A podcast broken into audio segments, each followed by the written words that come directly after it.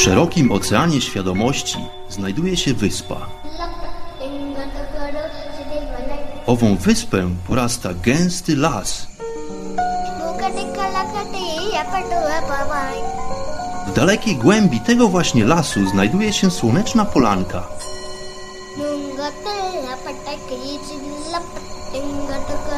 Przy tej oto polance w gorących promieniach słońca stoi sobie pewna magiczna chata.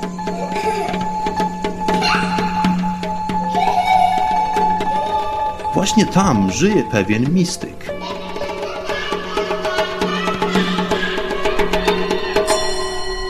Mam na imię Bart i zapraszam wszystkich serdecznie do wysłuchania programu Chata Mistyka.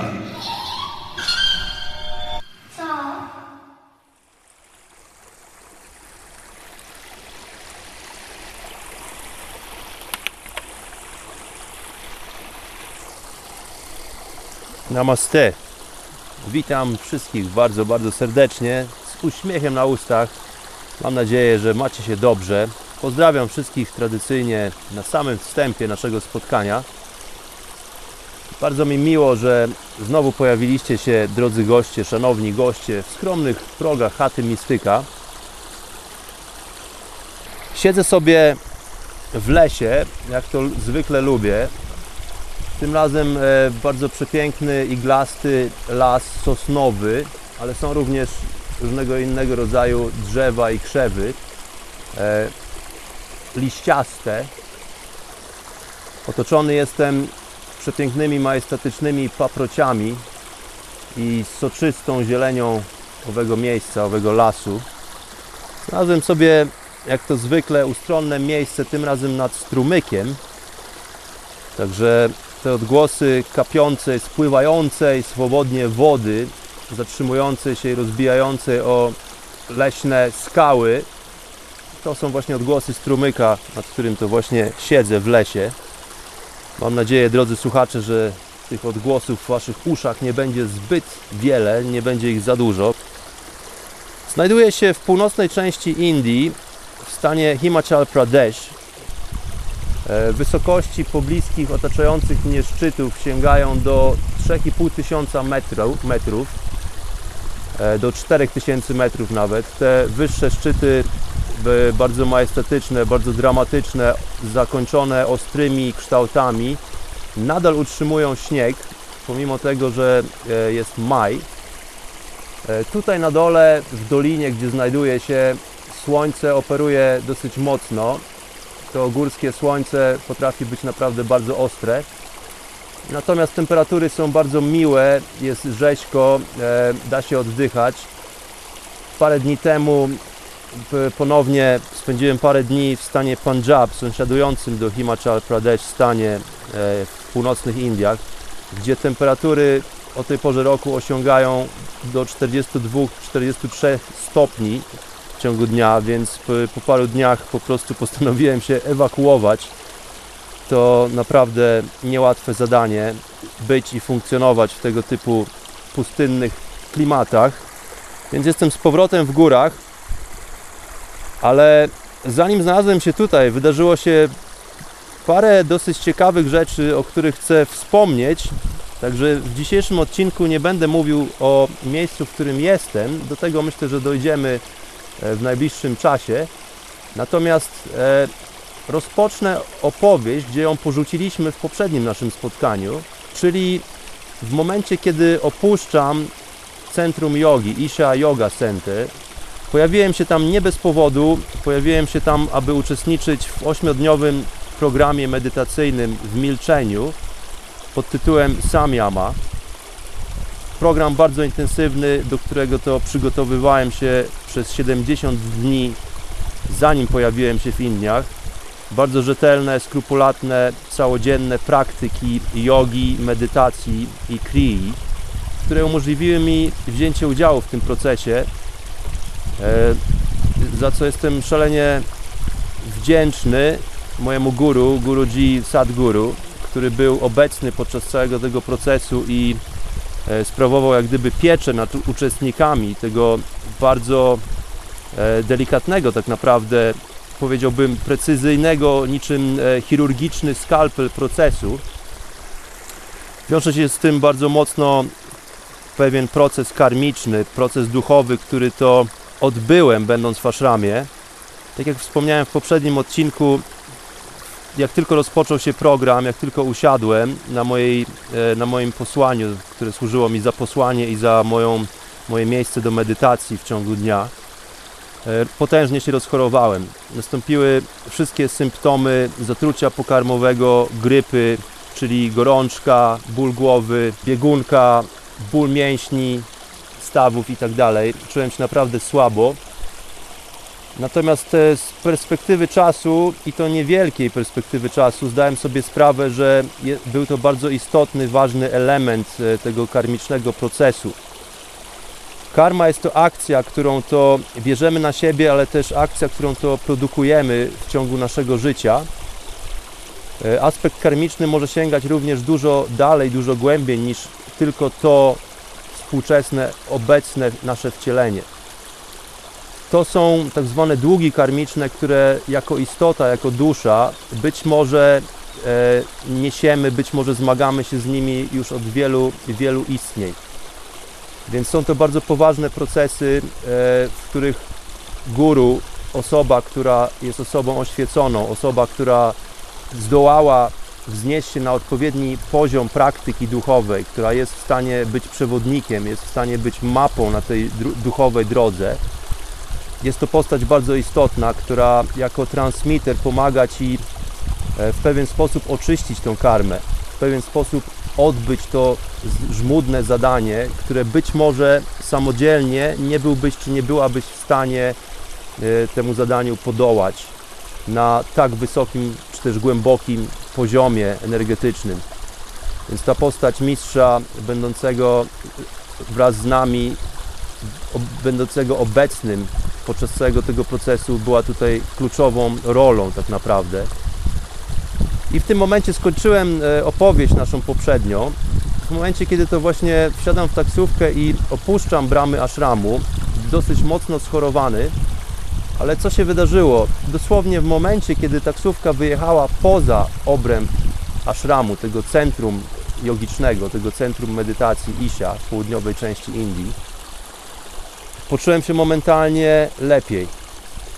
E, ulżyło mi kompletnie, odetchnąłem głęboko, wszystkie symptomy ustąpiły momentalnie. Bardzo ciekawa e, kwestia, ciekawe doświadczenie. Jak dla mnie jest to kolejny dowód, że odbyłem potężną pracę, będąc e, uczestnikiem tego całego procesu i to miejsce wiąże się z bardzo skrupulatną, bardzo dogłębną praktyką duchową. Więc e, nie jest to żart, nie jest to moja wyobraźnia, dlatego że nawet moje ciało zareagowało po prostu opuszczając to miejsce. E, więc e, dla mnie sprawa bardzo istotna, dla mnie jest to sprawa dosyć poważna. Cieszę się, że wziąłem udział w tym procesie, cieszę się, że udało mi się również przygotować dosyć rzetelnie do wzięcia udziału w tym jogicznym przedsięwzięciu. E, natomiast praca została poniekąd póki co wykonana i czas był opuścić to miejsce. Udałem się z ashramu na lotnisko. Podróż do północnej części Indii. Opuściłem gorącą, naprawdę gorące części południowych Indii. W momencie, kiedy wyjeżdżałem, robiło się już naprawdę bardzo, bardzo tropikalnie. Temperatury E, i nasycenie powietrza wodą są na tak wysokim poziomie, że dla Europejczyków są to e, klimaty po prostu nieznośne. Ja, ponieważ jestem podróżnikiem od wielu lat i bywam w tego typu tropikalnych klimatach, jestem do tego poniekąd e, przystosowany, aczkolwiek nie są to komfortowe temperatury. Także również z tego powodu miło było opuścić obszar południowych Indii i kiedy wyszedłem z samolotu w miejscowości Deradun w północnej części Indii, u podnóża Himalajów, naprawdę odetchnąłem z ulgą, rześkim, chłodnym powietrzem górskim. W tym momencie wszelkie symptomy mojej choroby dawno już minęły, także naprawdę cudowne ozdrowienie Odetchnąłem głęboko, rozejrzałem się dookoła i poczułem się wspaniale. Bum, siankę.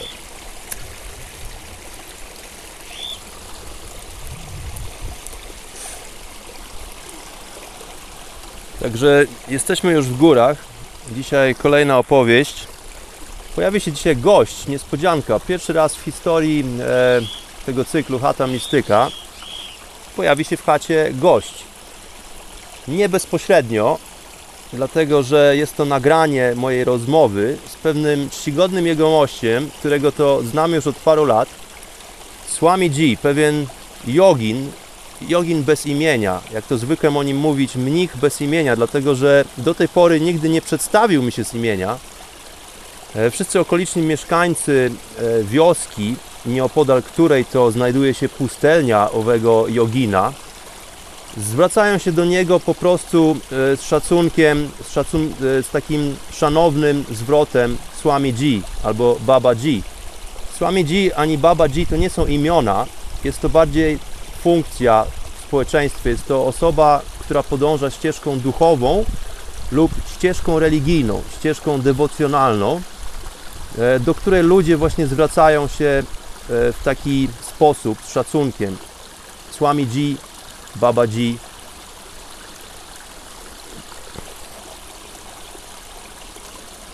Także dzisiaj w chacie pojawi się po raz pierwszy gość, nie bezpośrednio. Natomiast zanim dojdziemy do tego momentu, opowiem jeszcze o paru rzeczach, które wydarzyły się zanim pojawiłem się z wizytą u Słamiego G. Otóż po przylocie do górskiej miejscowości Deradun udałem się taksówką do pobliskiej miejscowości Rishikesh. Miejscowość, która jest dosyć dobrze mi znana z poprzednich paru to wizyt. Bardzo lubiane przeze mnie miejsce. Udałem się z wizytą do znajomego mi mnicha, który to sprawuje pieczę nad małym ashramem, przepięknie usytuowanym przy brzegu świętej rzeki Ganges, która to przepływa przez miejscowość Rishikesh swoim górnym biegu tej rzeki.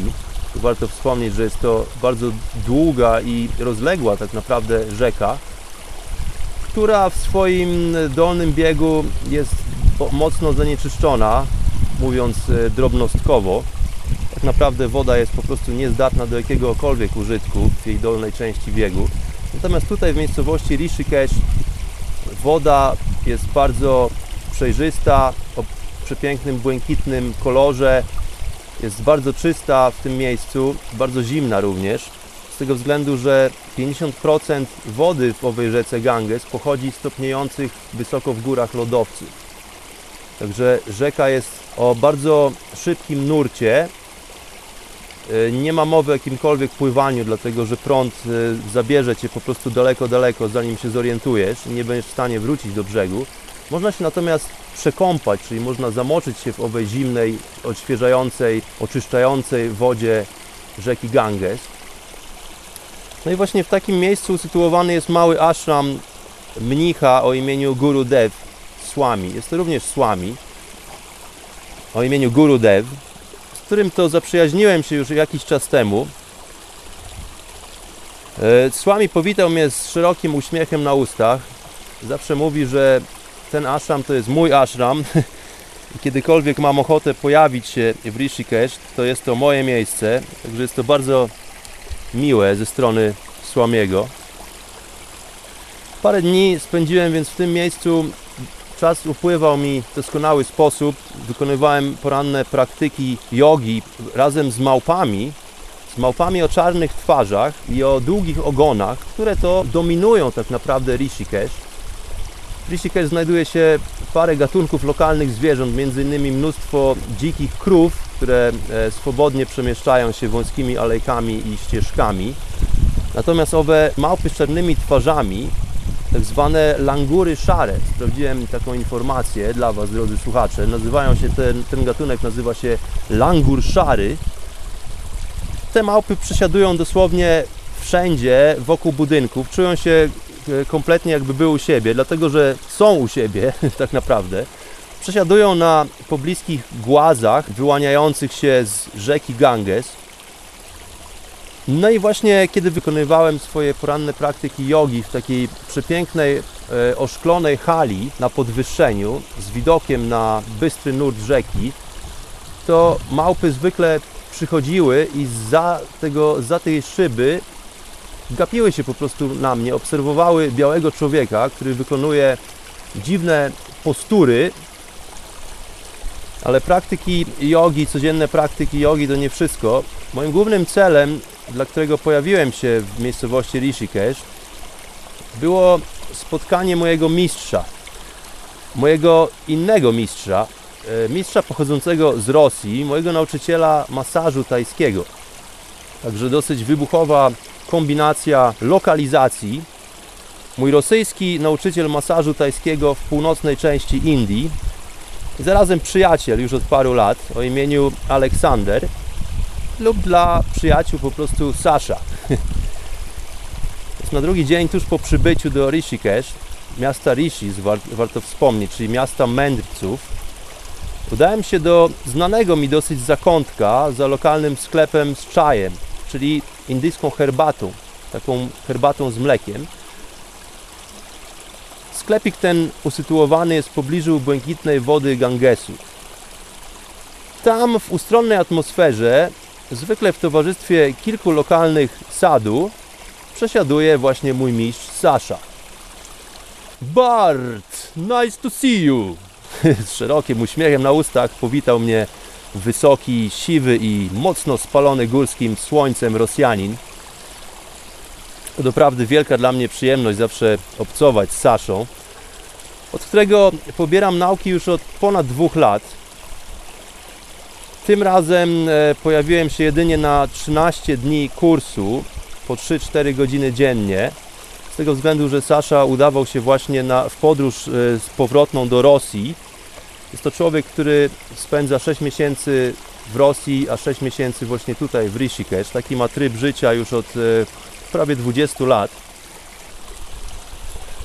Miejsce, w którym to prowadzi zajęcia z tajskiego masażu, to dach wysokiego hotelu z pięknym widokiem na otaczające szczyty górskie.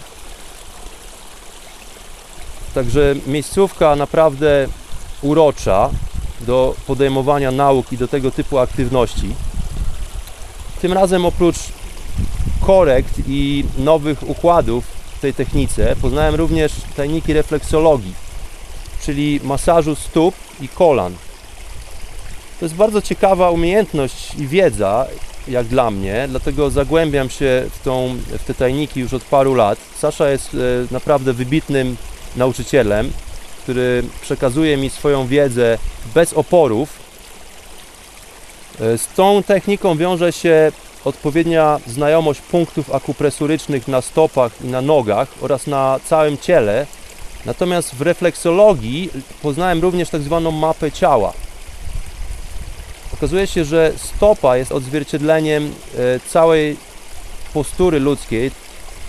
Wszystkie organy mają swoje odpowiedniki w odpowiednich punktach na stopie, które to można właśnie stymulować poprzez e, pracę nad tymi punktami. Także punkty akupresuryczne na ciele człowieka są fantastyczną sprawą. E, wykorzystuję je dosyć mocno, kiedy dokonuję masażu głowy. Na głowie znajduje się naprawdę wiele tego typu stymulujących e, inne organy, inne części organizmu punktów. E, tym razem do stymulacji odpowiednich punktów na stopach nauczyłem się również wykorzystywać specjalne drewniane różdżki. Oprócz samego właściwego masażu, mistrz Sasza prowadził dla naszej grupy również zajęcia Qigong i medytację Zazen. Mój przyjaciel, zarazem mistrz masażu Sasza, ma bardzo ciekawą i barwną historię. Kiedy był młodzieńcem, porzucił e, bardzo dobrze prosperujący interes w Moskwie, interes, który przysparza mu wiele pieniędzy. Porzucił to wszystko i udał się w góry, wysoko w góry w obszarze e, południowych Chin, gdzie spędził ponad dwa lata w milczeniu wraz ze swoim mistrzem i przewodnikiem małym klasztorze na skarpie wysokiej, stromej góry.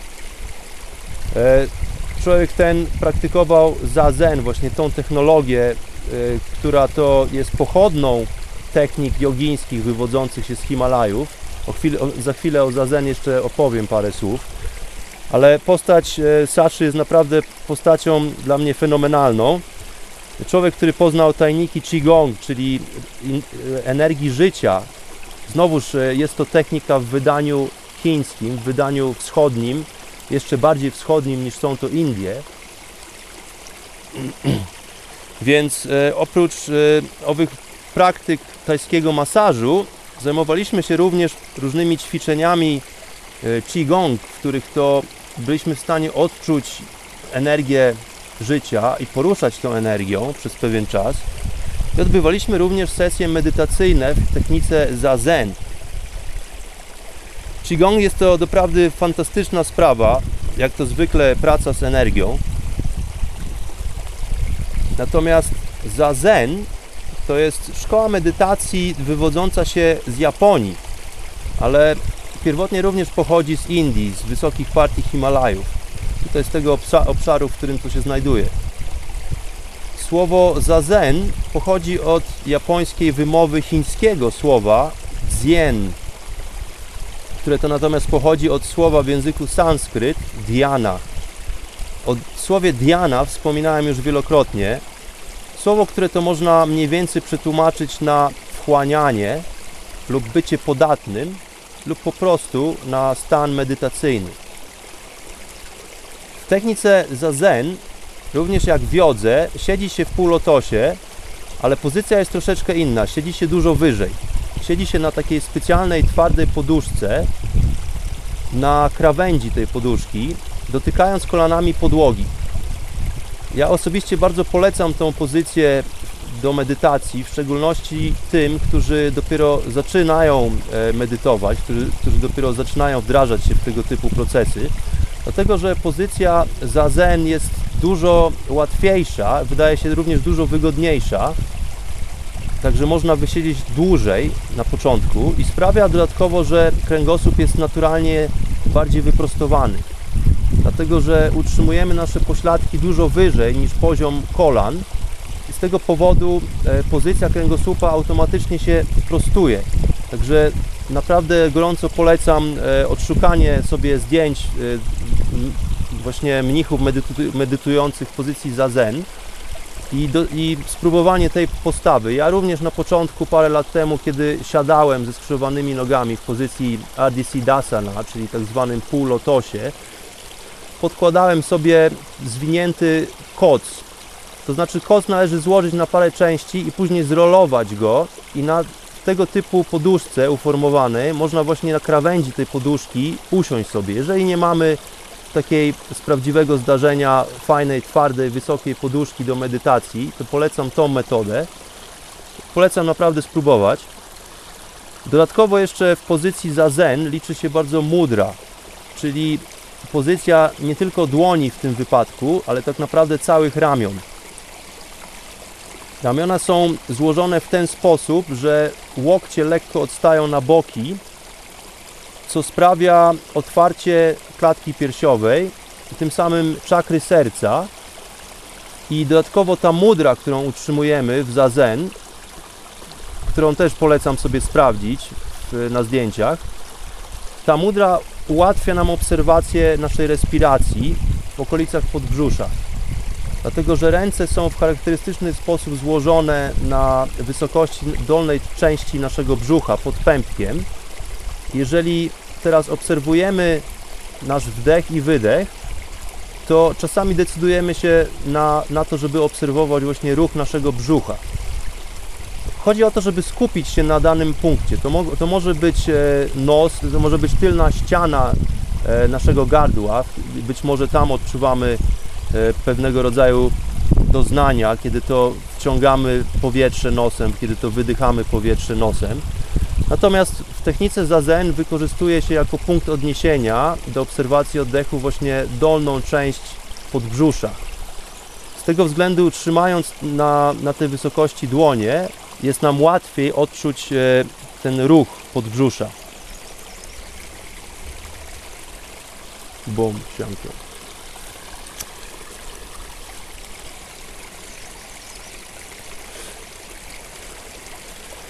Tak więc parę tygodni spędzone w Rishikesh były czasem dosyć aktywnym dla mnie, ale zarazem bardzo produktywnym.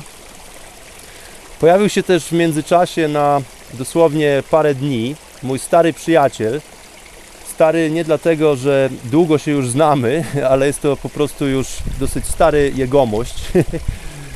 Słynny w okolicy mnik na motorze, w postrach lokalnych dróg. Też się go boję, jak się zbliża na motorze w oddali. Baba Mohan Puri, przesympatyczny jegomość w turbanie, z którym to spędziłem sporo czasu podczas mojej poprzedniej wizyty w Indiach. Człowiek o naprawdę wielkim sercu, który zaprezentował mi wiele ciekawych miejsc w okolicach Rishikesh. Miejsc, o których bez niego nie miałbym pojęcia i nie miałbym do nich czasami nawet dostępu.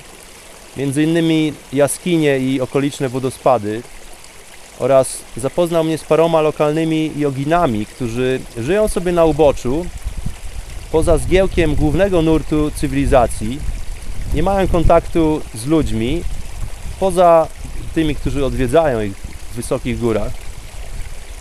Także wyborne naprawdę postacie, wyborne spotkania. Ale tym razem Mohan Puri nie mógł zostać ze mną długo, więc umówiliśmy się na kolejne nasze spotkanie.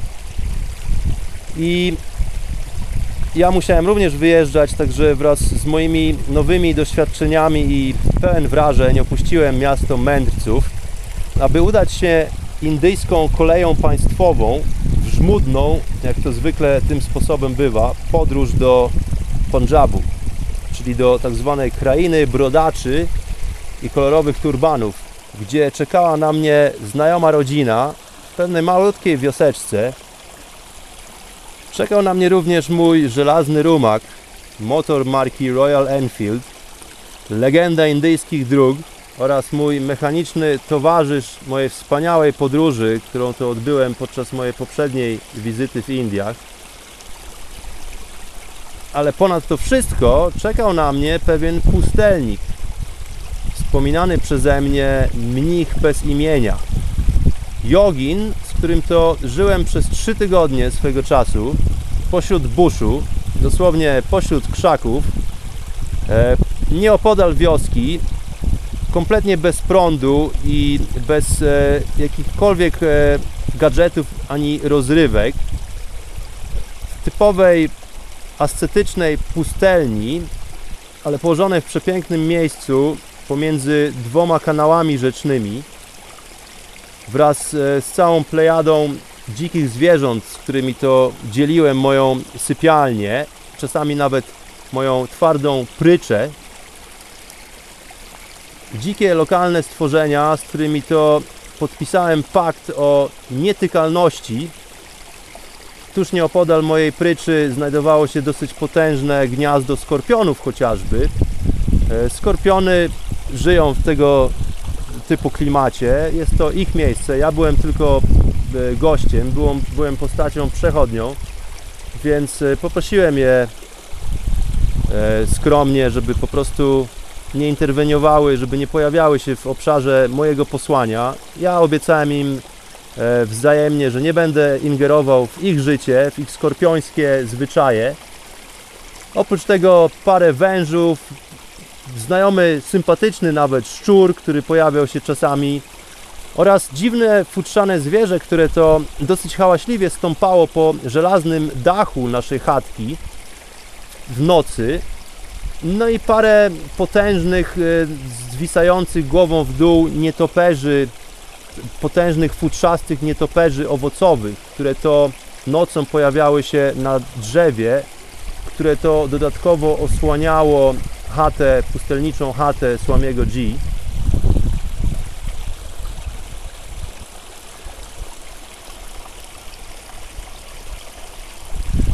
Swami G jest postacią bardzo barwną, bardzo spontaniczną czasami, o ciekawym e, brzmieniu głosu. E, jest osobą bardzo inteligentną, wykształconą, która mówi dosyć dobrze po angielsku.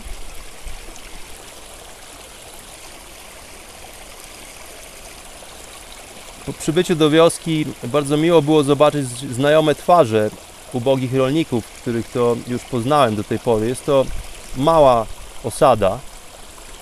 W gospodarstwie, gdzie zwykle zatrzymuję się, będąc w Pandżabie, odbywało się właśnie wesele, bardzo tradycyjne lokalne wesele, kiedy przybyłem.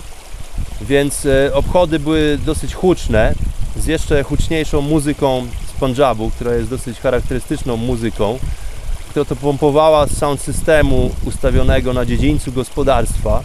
Także zabawa była na całego. Oczywiście kobiety bawiły się oddzielnie i mężczyźni oddzielnie, jak to w większości Indii bywa.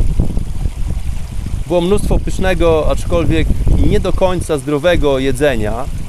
W Pandżabie je się głównie wegetariańsko, ale nie ma za bardzo surówek.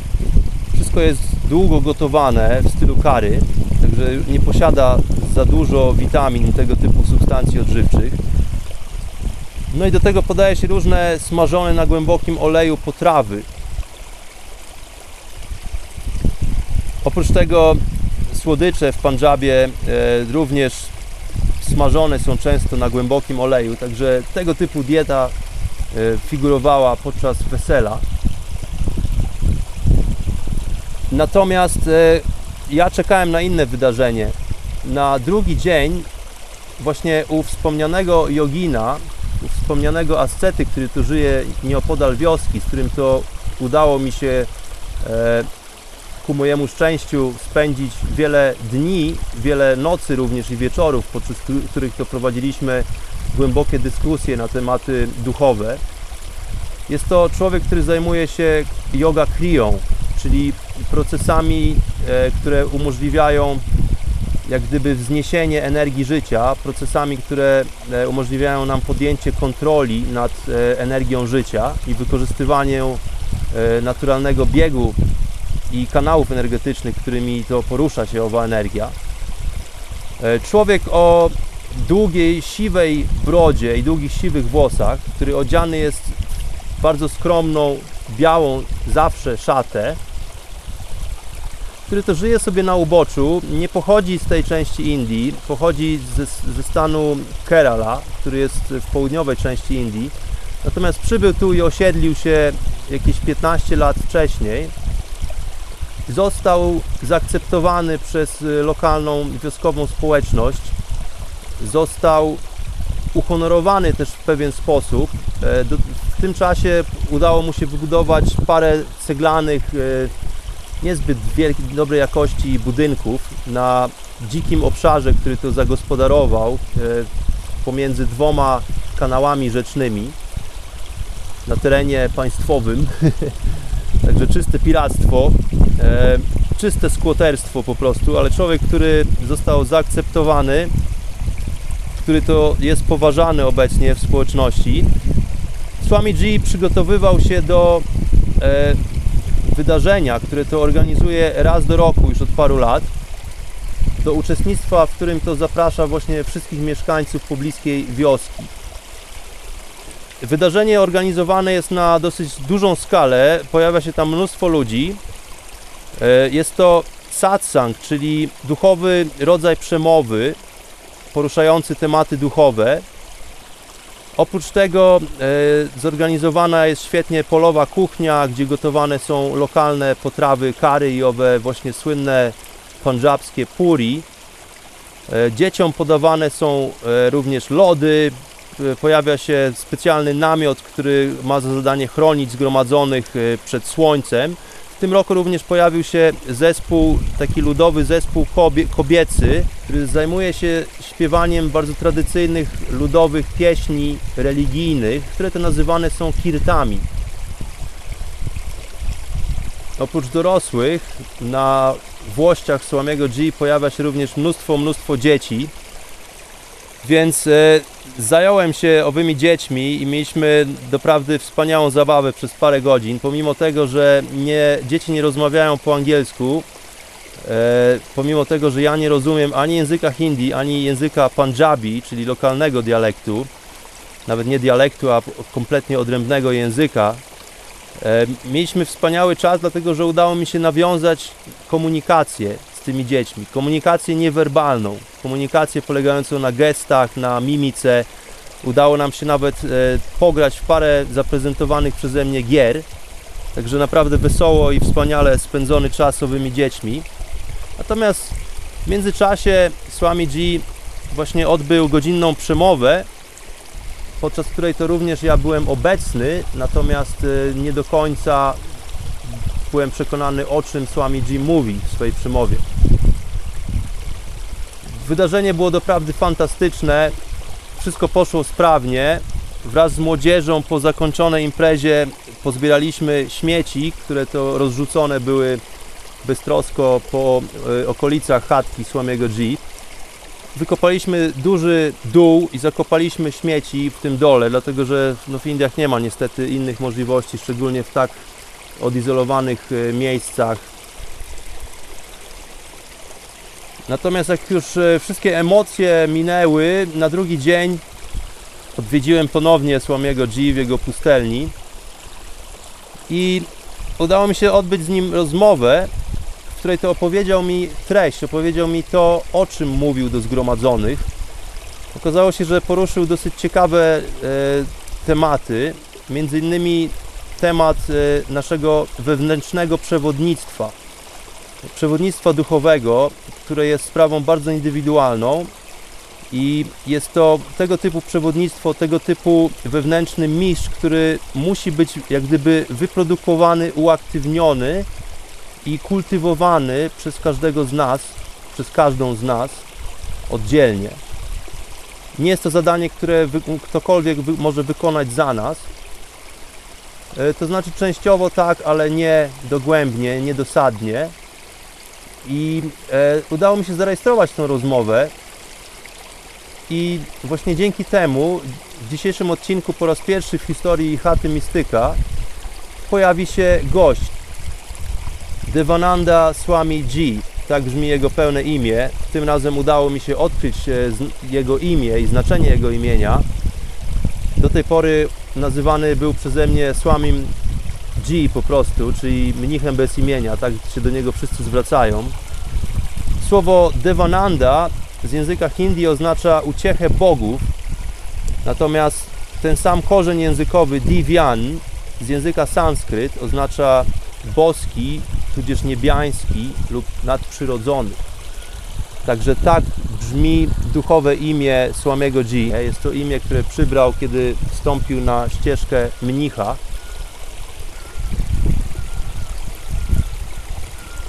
Także z tego miejsca bardzo serdecznie zapraszam i mam niebagatela przyjemność przedstawić Wam postać Słamiego G, drodzy słuchacze Chaty Mistyka. Devananda Swami G, który to wyjaśnia mi skrócie treść e, swojej przemowy do lokalnej, wioskowej publiczności.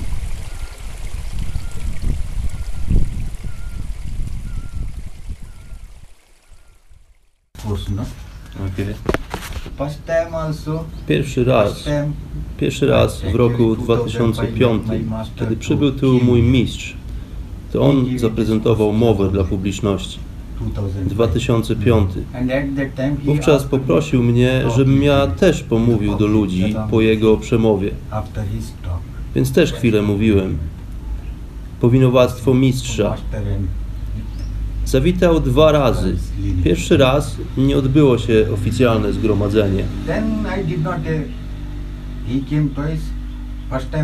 Za drugim razem zorganizowałem spotkanie. Aby to wszystko zorganizować, trzeba rozmawiać z ludźmi, trzeba robić wszystko, więc później nic już się nie działo. Dopiero przed trzema laty pomyślałem, ok, muszę zorganizować przynajmniej jedno spotkanie w roku. To jest zbyt dużo. Widzisz, to nie jest łatwe, żeby zorganizować takie spotkanie. Wielkie zadanie. Mówiąc szczerze, ja nie potrzebuję tego kłopotu. Ale trzy lata temu pomyślałem, to jest konieczne ze względu na to miejsce.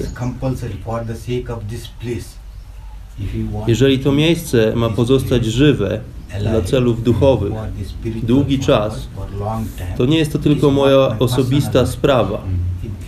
Bo w przyszłości ludzie również muszą być w stanie połączyć się z tym miejscem. Więc muszę zorganizować coś, co sprawi, że ludzie poczują przynależność do tego miejsca.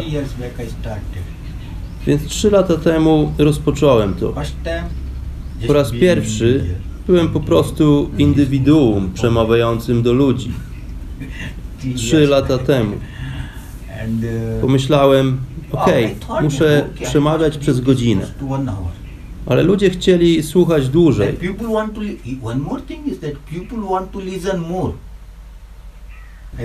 Ale ten typ ludzi, this kind jaki jest sens, aby mówić więcej do tego rodzaju ludzi? Oni nie są na odpowiednim poziomie. Yeah, after one hour they're thinking about puri Tak, po godzinie wszyscy myślą o jedzeniu. Nie tylko to. Sprawa polega na czym innym. Przyswoić tą myśl, przetrawić te słowa. Oni nie są w stanie.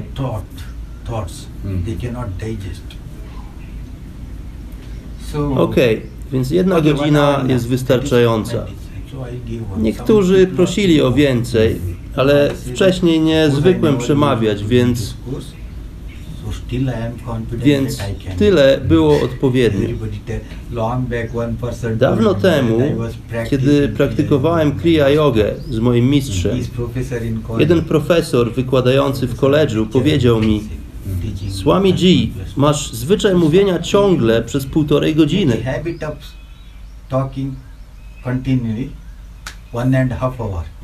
Byłbyś w stanie przemawiać do ludzi. He- To było dawno temu, ale nigdy nie czułem się na siłach, żeby to zrobić. People Wiesz, dużo ludzi tak myślało, więc zacząłem. Pierwszy raz przed trzy laty. Zauważyłem pewne kwestie. You know, you see, Okej, no wychodzisz, patrzysz. Nie ma to konkretnych rzeczy, które to musisz powiedzieć ludziom, siedząc przed no? nimi. To są religijni ludzie, tylko zwykli religijni ludzie. Ludzie, którzy rozumieją No? rzeczy inaczej. Ludzie, którzy pojmują inaczej. Więc co tu zrobić? Ja przecież postrzegam świat inaczej. Then I noted some point. Okay, in this discourse, I noted the point, 10, 12 points. Moja rozprawa bazowała na 10-12 punktach, które chciałem omówić w ciągu godziny. Mhm. Więc popatrzę na listę i omówię punkt pierwszy, potem punkt drugi i tak dalej. Tak myślałem. Ale interesujące jest to, okazało się, że nie dotknąłem nawet żadnego z zagadnień, które to uprzednio wynotowałem na liście, kiedy odrabiałem moje zadanie domowe. I kiedy zasiadłem na podwyższeniu naprzeciw publiki, zacząłem mówić ciągiem, spontanicznie, przez godzinę, kompletnie poza listą, którą przygotowałem, która była moją podstawą. Points which I noted Yeah. on the basis of this. Inaczej, I must jak speak. żebym mógł przemawiać how przez can I godzinę? manage one hour? Yeah. Do tego potrzebne są notatki, no? ale nawet nie wspomniałem o żadnym z punktów. Więc rok temu nie poczyniłem żadnych przygotowań. Nie było Ah, Okej, something niektóre rzeczy miałem w 13. pamięci, przemyślałem kilka rzeczy. ale w zeszłym roku odbyło się bez punktów na liście. Pierwszy raz miałem notatki, not ale ich nie wykorzystałem. Drugi raz też był spontaniczny, bez notatek. okay. Trzeci raz, tym razem pomyślałem jednak, że potrzebuję przygotować. Tego wymagała atmosfera w tym roku. Nie czułem się pewny, nie wiem dlaczego. Być może dlatego, że tym razem miało pojawić się dużo więcej ludzi.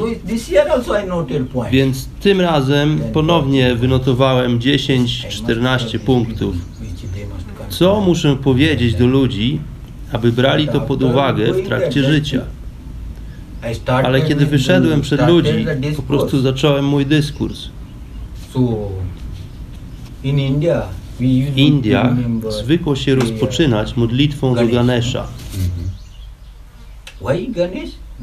Considered Czemu Ganesh? Ganesh uważany jest za mistrza. Ganesh nie jest tylko bóstwem. Ganesh symbolizuje postać mistrza. Inaczej guru. Guru znaczy Ganesh. Ganesh to twoja inteligencja. To wszystko są jedynie symbole, ale ci religijni ludzie i ich rytuały. Więc powiedziałem ludziom, Dzisiaj nie rozpoczynam mojej mowy modlitwą do Ganesha, bo już się odbyło ofiarowanie przez śpiew. Tak, już wykonali swoje told them, zadanie. W tej części Indii ludzie zwykle nie uznają mistrza, który pomaga osiągnąć stan moksha. Pomaga pozbyć się temperamentu i zachowań kompulsywnych. Do tego potrzebujesz mistrza. Musisz uznać kogoś za swojego mistrza.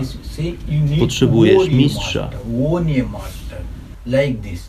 This means W naszym obszarze, w południowych Indiach, gdzie się urodziłem, ludzie są bardziej zaawansowani.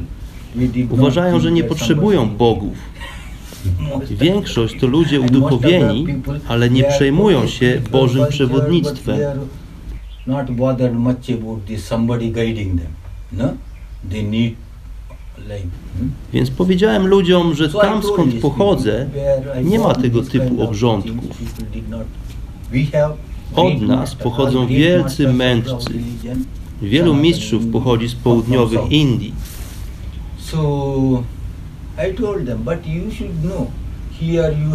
Powiedziałem o wielkich ashramach, do których przyjeżdża wiele ludzi. Organizują potężne zgromadzenia, czczą jakichś mistrzów. O co w tym wszystkim What do chodzi? you mean by all this? Tutaj, w naszej kulturze, w naszej religii, Here, in our w culture, naszej our religii, religion, kiedy adresuję do zgromadzonych, muszę użyć słowa nasza religia. Najpierw modlimy się do Ganesha. On jest mistrzem, guru. To jest nasza inteligencja. Jak to jest możliwe, aby prowadził cię ktoś inny? jak ktoś inny może ci przewodzić? Kim jest mistrz?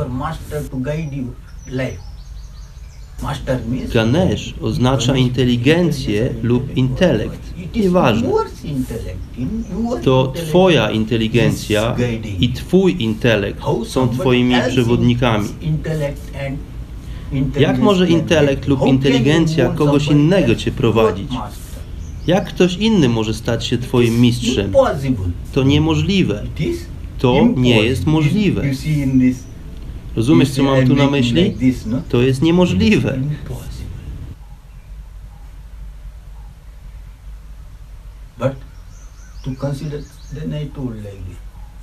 Więc powiedziałem im tak, okej, macie swojego mistrza, ale nie róbcie z tego wielkiego boom. O, mam mistrza i tak dalej. I powiedziałem im, cokolwiek wasz mistrz naucza o wyzwoleniu, o moksha, czantujecie Om Namah Shivaya albo, albo Om Namah Bhagavati tego typu rzeczy, to nie sprawi wyzwolenia, osiągnięcia moksha czy zbawienia. Teraz to wiecie. Divyanand Swamiji powiedział wam o tym podczas swojej mowy tutaj w roku 2019. Ale to nie jest wystarczające. Oczywiście jest to przydatne, może przynieść pewne korzyści dla Was. Zdaję sobie sprawę, jakie korzyści przynoszą mantry. Nie jestem taki, jak być może myślicie. Urodziłem się nieopodal dużej świątyni. Rozumiem, jak ważne są kirty, jaki przynoszą efekt, jaka jest rola mantr. Wiem o tym wszystkim od dawna. Nie myślcie, że nie wiem, na czym polega duch dewocji. Rozumiem to, powiedziałem ludziom. Rozumiem to wszystko. Ale to są te rzeczy, które po pierwsze to posiadanie mistrza to zły pomysł. Nie możesz chcieć kogoś za mistrza. Cudzy intelekt czy inteligencja nie mogą ci przewodzić. Jesteś zawsze prowadzony przez własną inteligencję, przez swój intelekt. Więc jeśli chcesz podążać drogą duchową, jeśli myślisz o oswobodzeniu, o moksza, o zbawieniu,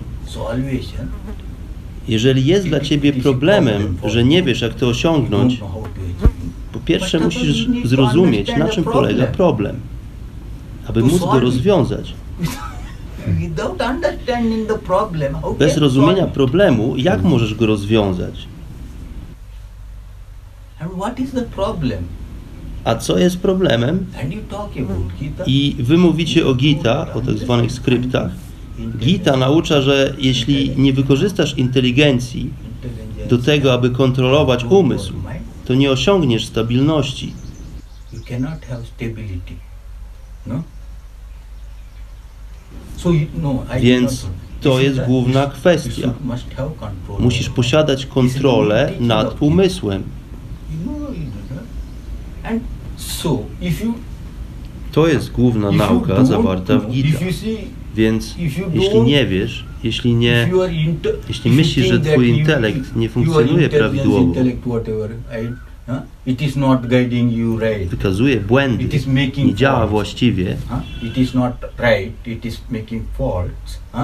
pojawiają się błędy, To jak to się stało, że twój intelekt popełnia błędy? skąd pojawiają się błędy? Musisz to rozumieć. Jest ku temu tylko jedna No. przyczyna. Only, only, only. Jeśli twój intelekt popełnia błędy, to jedyną przyczyną jest to, że umysł przezwycięża inteligencję. It is just when only cause is mind overpower your intelligence. That is the only cause. To jest jedyna przyczyna. Then is Więc? Co zrobić? Musisz się oddzielić. Musisz się oddzielić. Jak się oddzielić?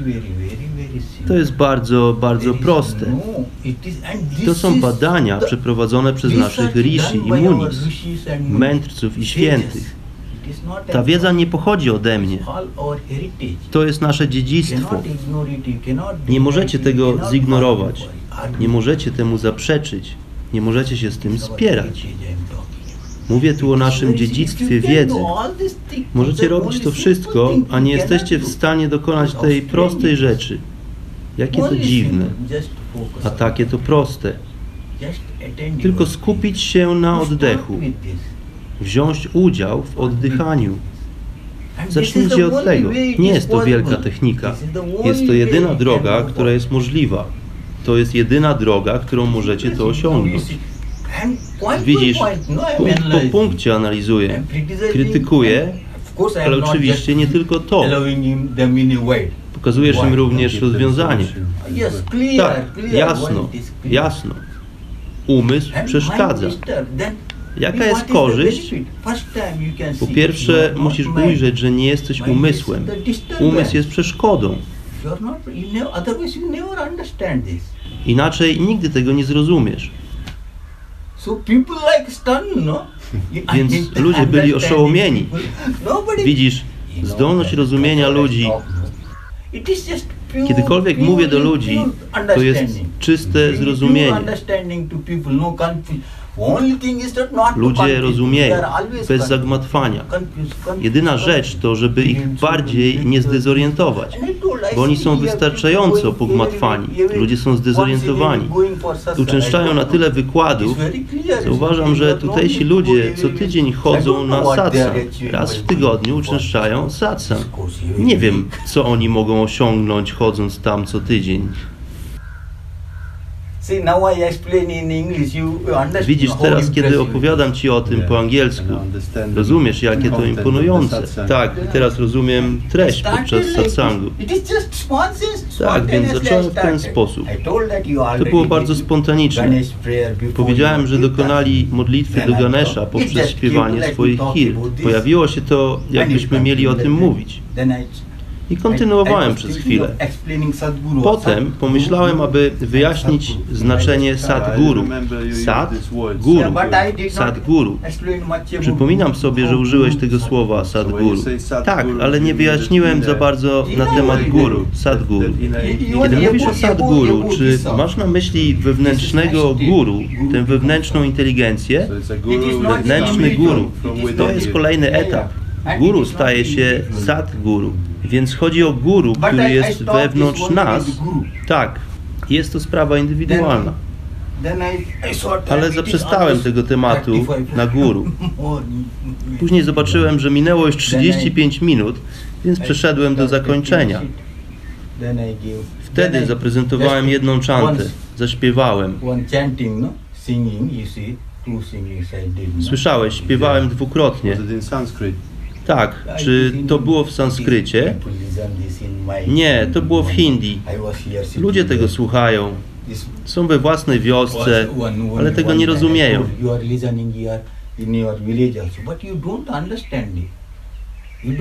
Myślą, że to zwykła pieśń. Takie jest ich rozumienie. Bez uprzytomnienia duchowej świadomości nie są w stanie odebrać czanty śpiewanej przez osobę na ścieżce duchowej. Tylko jeśli mają duchowe podwaliny. Oni szukają Boga. Bóg nie jest poza życiem. Bóg jest zawarty w życiu. Szukanie po czy ponad życiem to tylko komplikacja. No no. Nie ma prawdy czy Boga, które możecie mieć poza życiem. A kiedy mówicie o Shiva, to mówicie o Shiva, który jest nadprzyrodzony. Chylicie się przed nim. To nie jest Shiva, to nie jest Shiva. Shiva oznacza Jiva musi stać się Shiva. Tylko wtedy ten byt tutaj staje się dla ciebie okazją. Nie chodzi o to, żeby wzywać Boga, kłaniać się przed Nim. To nie o to chodzi. Shiva jest symbolem. Ułatwiającym rozumienie. understand. means simply means it is you must life is a opportunity. Życie jest wielką szansą. Mam na myśli matkę. Matkę, która daje ci szansę osiągnąć pewien pułap. spełnienie życia. To się nazywa Shiva. Kiedy Jiva staje się spełniony, kiedy życie jest całościowe, całkowite.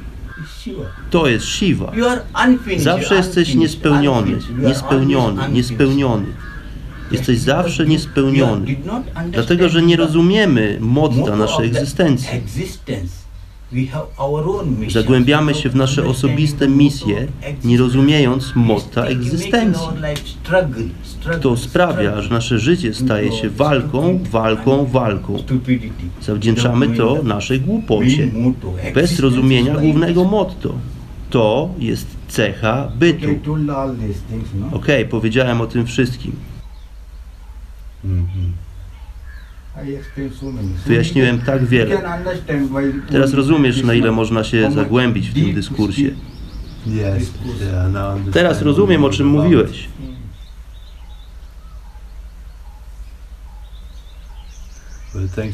Dziękuję za wyjaśnienie. No. Parę dni temu powiedziałem ci, że jestem inny.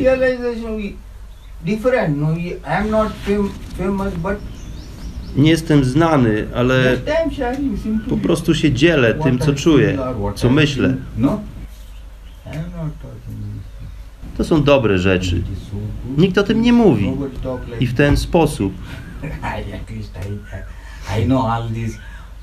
do ludzi musisz mówić w jasny sposób.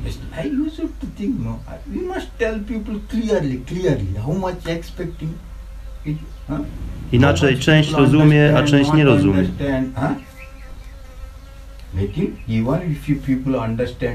Przynajmniej rozumieli dwa, trzy zagadnienia. To prości ludzie. Ale efekt jest taki, że zaczynają myśleć samodzielnie. Osho na samym początku powiedział, że ludzie przestali myśleć.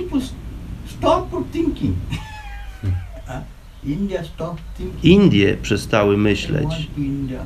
Chcę, aby ludzie zaczęli ponownie myśleć. Kiedy ludzie zaczną samodzielnie myśleć, bez udziału pomocy z zewnątrz, wówczas moje zadanie jest zakończone. Tak powiedział Osho. Who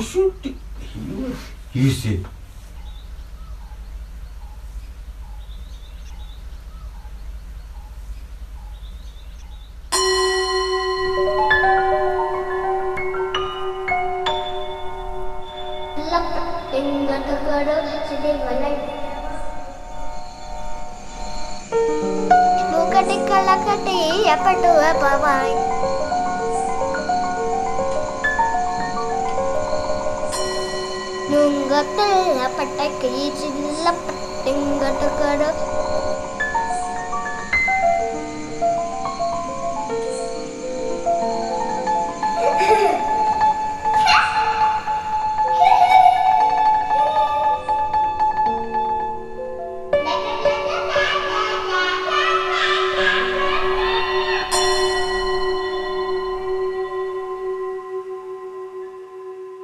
Hata mistyka.